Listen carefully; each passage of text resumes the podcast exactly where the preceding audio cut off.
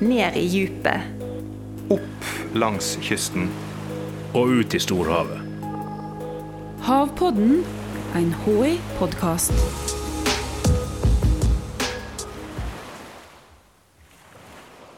Noen kaller det ekte alliance. Det er en, altså fra en annen klode. Blekkspruten er en merkelig skapning. De er et bløtdyr, faglig sett. De hører sammen med snegler og skjell og Men de er virkelig noe for seg selv inni den gruppa med bløtdyr. Havforsker Gro van der Meren er veldig fascinert av og heftig begeistra for dette blauta, rare dyret. Ja, de har jo minst åtte hjerner. De har et syn som er et eh, Basert på samme type øye som vi har. De er i stand til å lære seg ting og til å tenke logisk. Og det er veldig snedig av en svær, diger, rar snegl. Men åtte hjerner, hvordan, hvordan kan noen ha åtte hjerner? Hvordan funker dette her? Noen har jo flere også. Det Kommer an på mange armer de har, og tentakler. De har én i hver armkrok. Sånn at armene har hvert sitt liv.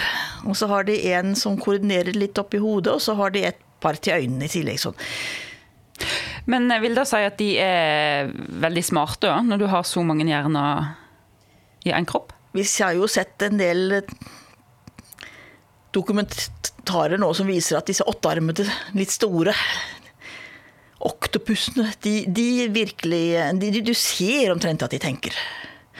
Er, ikke, det, det er ikke så mye vi har sett av de tiarmede, de nydelige torpedoformede supersvømmerne som ligger i åpne havet. Men jo, de har en atferd som tyder på at de, de, de, de er klare over verden rundt seg og hvordan de skal navigere den. Ja, Nå nevnte du to typer blekkspruter her. For det er mer enn én sort blekksprut? Det er tre hovedgrupper. Det er fire. Det er den åttearma, som det er Det er en del, men ikke så veldig mange. De store er det kanskje bare en, en titalls arter av. Som er virkelig de store, tøffe, som dokumentarfilmerne, lagerne liker. Og så har du de det de engelskmennene kaller squid. De ser ut som en torpedo. Spiss i begge ender når de samler armer og tentakler i den enden. Og en stor eller liten finne, alt etter som art, på den andre enden. De kan svømme som en torpedo. I begge retninger. Og de kan bråstoppe på millimeteren, og de, de har helt fantastisk navigeringsevne. Så er det en type som er litt sånn midt imellom. Det er sepia-blekkspruten. Den fins ikke i Norge enda, men forskerne venter på at den skal komme hit, fordi den fins allerede sør i Nordsjøen. De har en fin brem rundt hele kanten, sånn en flagrebrem rundt hele kanten. Nydelig fargespill. Og så finner vi masse av den der skjelettflaket som de har inni kroppen. Den reker på land på norskekysten på nesten året rundt. I Norge så har vi mest av de tiarma blekksprutene. De, er, de fleste av de er de torpedoformede. Og så har vi noen små tiarmete som ser ut som en søt liten tegneseriebrekksprut med en liten kule med armer rundt seg. Så vi har ingen av de der aller største og tøffeste blekksprutene her i landet enda? Ikke på kysten. Men vi har et dyphav ute i Norskehavet der et sted. Og vi har nok ikke gigantblekkspruten, men kjempeblekkspruten, den kan vi nok kanskje ha. Den som kan bli over 20 meter lang hvis en trekker, strekker litt i armen og et halvt tonn omtrent. Så de fins i Norge? Blekkspruter på et halvt tonn? Jeg har aldri sett de, men hvorfor skulle de ikke være der ute? Men ikke i nærheten av min badestrand, da? Det er spermhvalen som driver og hilser på dem. Det er mat for de dykker gjerne til 1000 meters dyp. De er dypt nede. Ja, så De er ikke noe som vi risikerer å møte på uten å virkelig ha gått inn for? Jules Verne mente jo at det, det var den som holdt på å ta Nautilus, undervannsbåten. Men nei, de er ikke farlige. Og de, de er i alle de store verdenshavene fra pol til pol. Men de, de store, virkelig store, de går dypt. Men eh, blekksprut, eh, hvorfor heter det blekksprut? Hva har dette dyret med blekk å gjøre? De har en forsvarsmekanisme. De har en liten pose med, med blekk. Med en væske som er kraftig farga, og tilsatt smak. Så når de blir skremt, så presser de ut, så kommer det en svart sky som lukter blekksprut. Så bak den skyen så stikker de av. Og så kan fisken gå rundt og rote rundt i den skyen og skjønner ingenting, for hvor ble det noe av dette her? Men er dette effektivt, eller er det litt sånn skremmeskudd, og så finner fisken ut og tar den likevel? Det er ganske effektivt. Det er ganske effektivt. Eh, har alle blekkspruter blekk? Det tør jeg ikke si. Det er såpass mange hundre arter. Og rare, rare varianter av de også, men de aller, aller fleste har det. Og de er blitt brukt til å skrive med. Å ja, du kan skrive med blekk på en blekksprut? det kan du. Men hvor lenge det varer, vet jeg ikke, men det går an å skrive med. Uh, de er jo også, det er jo òg en merkelig konsistens uh, på disse dyrene. De ser litt sånn uh, slimete ut på en måte, er de det? Slimete er de ikke akkurat, men de er jo en snegl, da. Sneglen er jo mer slimete enn en blekksprut, så de er litt glatte. Og så har de noen sånne sugekopper onde på disse armene sine. Iallfall en del av de. Har, alle har sugekopper. De har jo da de to, to De tiarmene i hvert fall har to lange de er tentakler. Og de er særlig godt utstyrt. De brukes til mye rart. Og så har de resten av de vanlige armene de har én eller to eller tre rader. Og det er det som vi kan skille artene på, for av og til er de skrekkelig like hverandre. Så er det å telle på hvor mange sugekopper i bredden, og hvilken form har For inni sugekoppen har de en liten eh, sånn kalkaktig sirkel med sånn tagger som de kan liksom Når de suger seg fast, så, så setter de piggene i også. De får veldig godt grep. Men eh, har de så godt grep at hvis vi hadde tatt en blekksprut og hevet den i taket, så hadde han hengt igjen? Ja, en stund i hvert fall. Han hadde ikke likt seg der, så han hadde kommet ned etter hvert. Men eh, jeg har sett de, de har jo klatra ut av akvarier og fulgt vannrørene bortover i akvariene, oppunder taket, og sluppet seg ned der det ikke skulle være. Fordi at eh, de er rett og slett Altså Blekkspruten kan òg leve på land, iallfall en stund. De åttearmede. De der eh, oktopusene som er så populære på film, de kan det. Men en eh, torpedaforma sånn åpent hav som ikke har noe på bunnen å gjøre, de, de, takler ikke å komme på land. De dør veldig fort hvis de blir vaska opp fjæra eller blir tatt opp i båten. Altså, de klarer ikke å bevege seg rundt, men disse oktopussene de klarer nettopp det. Hvorfor da? Hvordan funker det? Trenger de ikke vann for å leve? De må ha vann, fuktighet inn på gjellene sine, inni kroppen sin.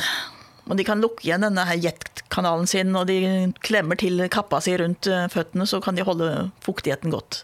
Og de har armene rundt i en sirkel under seg, så de går jo på disse armene to eller tre eller fire, hva, hva nå de gjør. De drar seg fram eller sparker seg fram. Men de som svømmer, de bruker armene kun til fangst, slåssing og til uh, flash.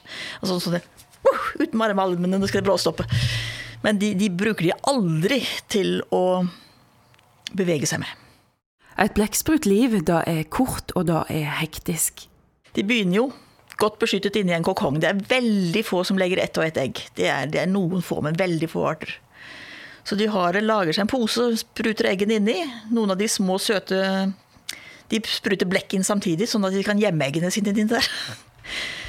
En rossiart. Og, og så klekker de inni der, og så har de barnehage inni der. Og så når de er store nok og skal ut og finne den maten vi ikke vet hva er for noe, så bryter kokongen sammen, og så svømmer de ut. Og så bare vokser de som noe oljelyn. De vokser fort. Og i løpet av ett år, halvannet år, så er de fullvoksne.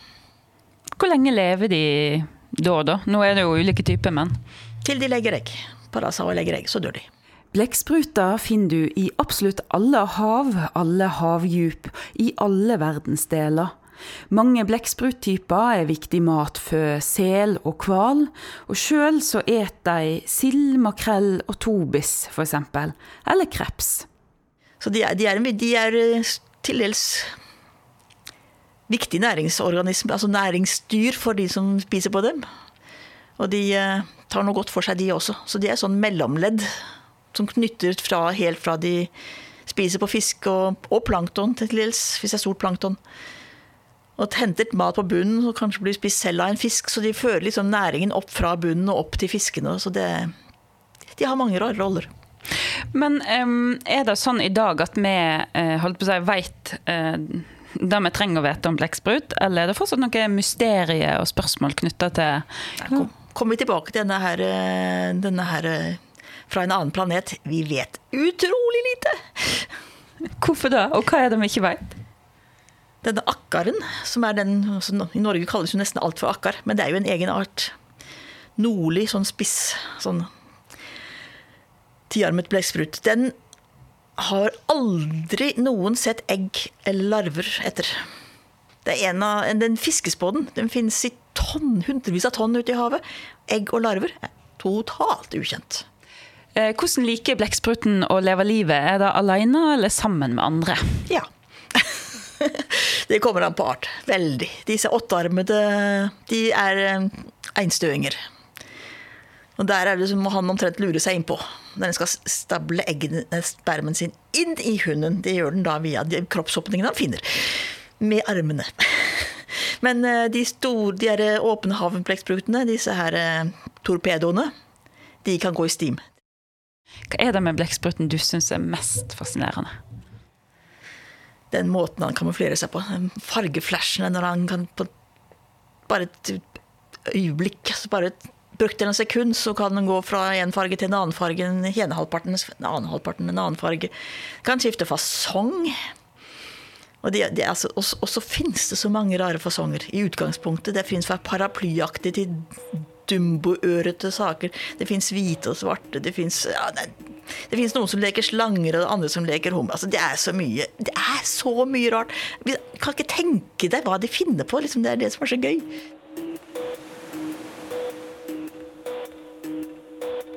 Havpodden er en podkast fra Havforskningsinstituttet. Jeg heter Stine Hommedal og jobber her. Teknisk produksjon og lyddesign var det Febril Film som sto for. Og du, du hører snart igjen.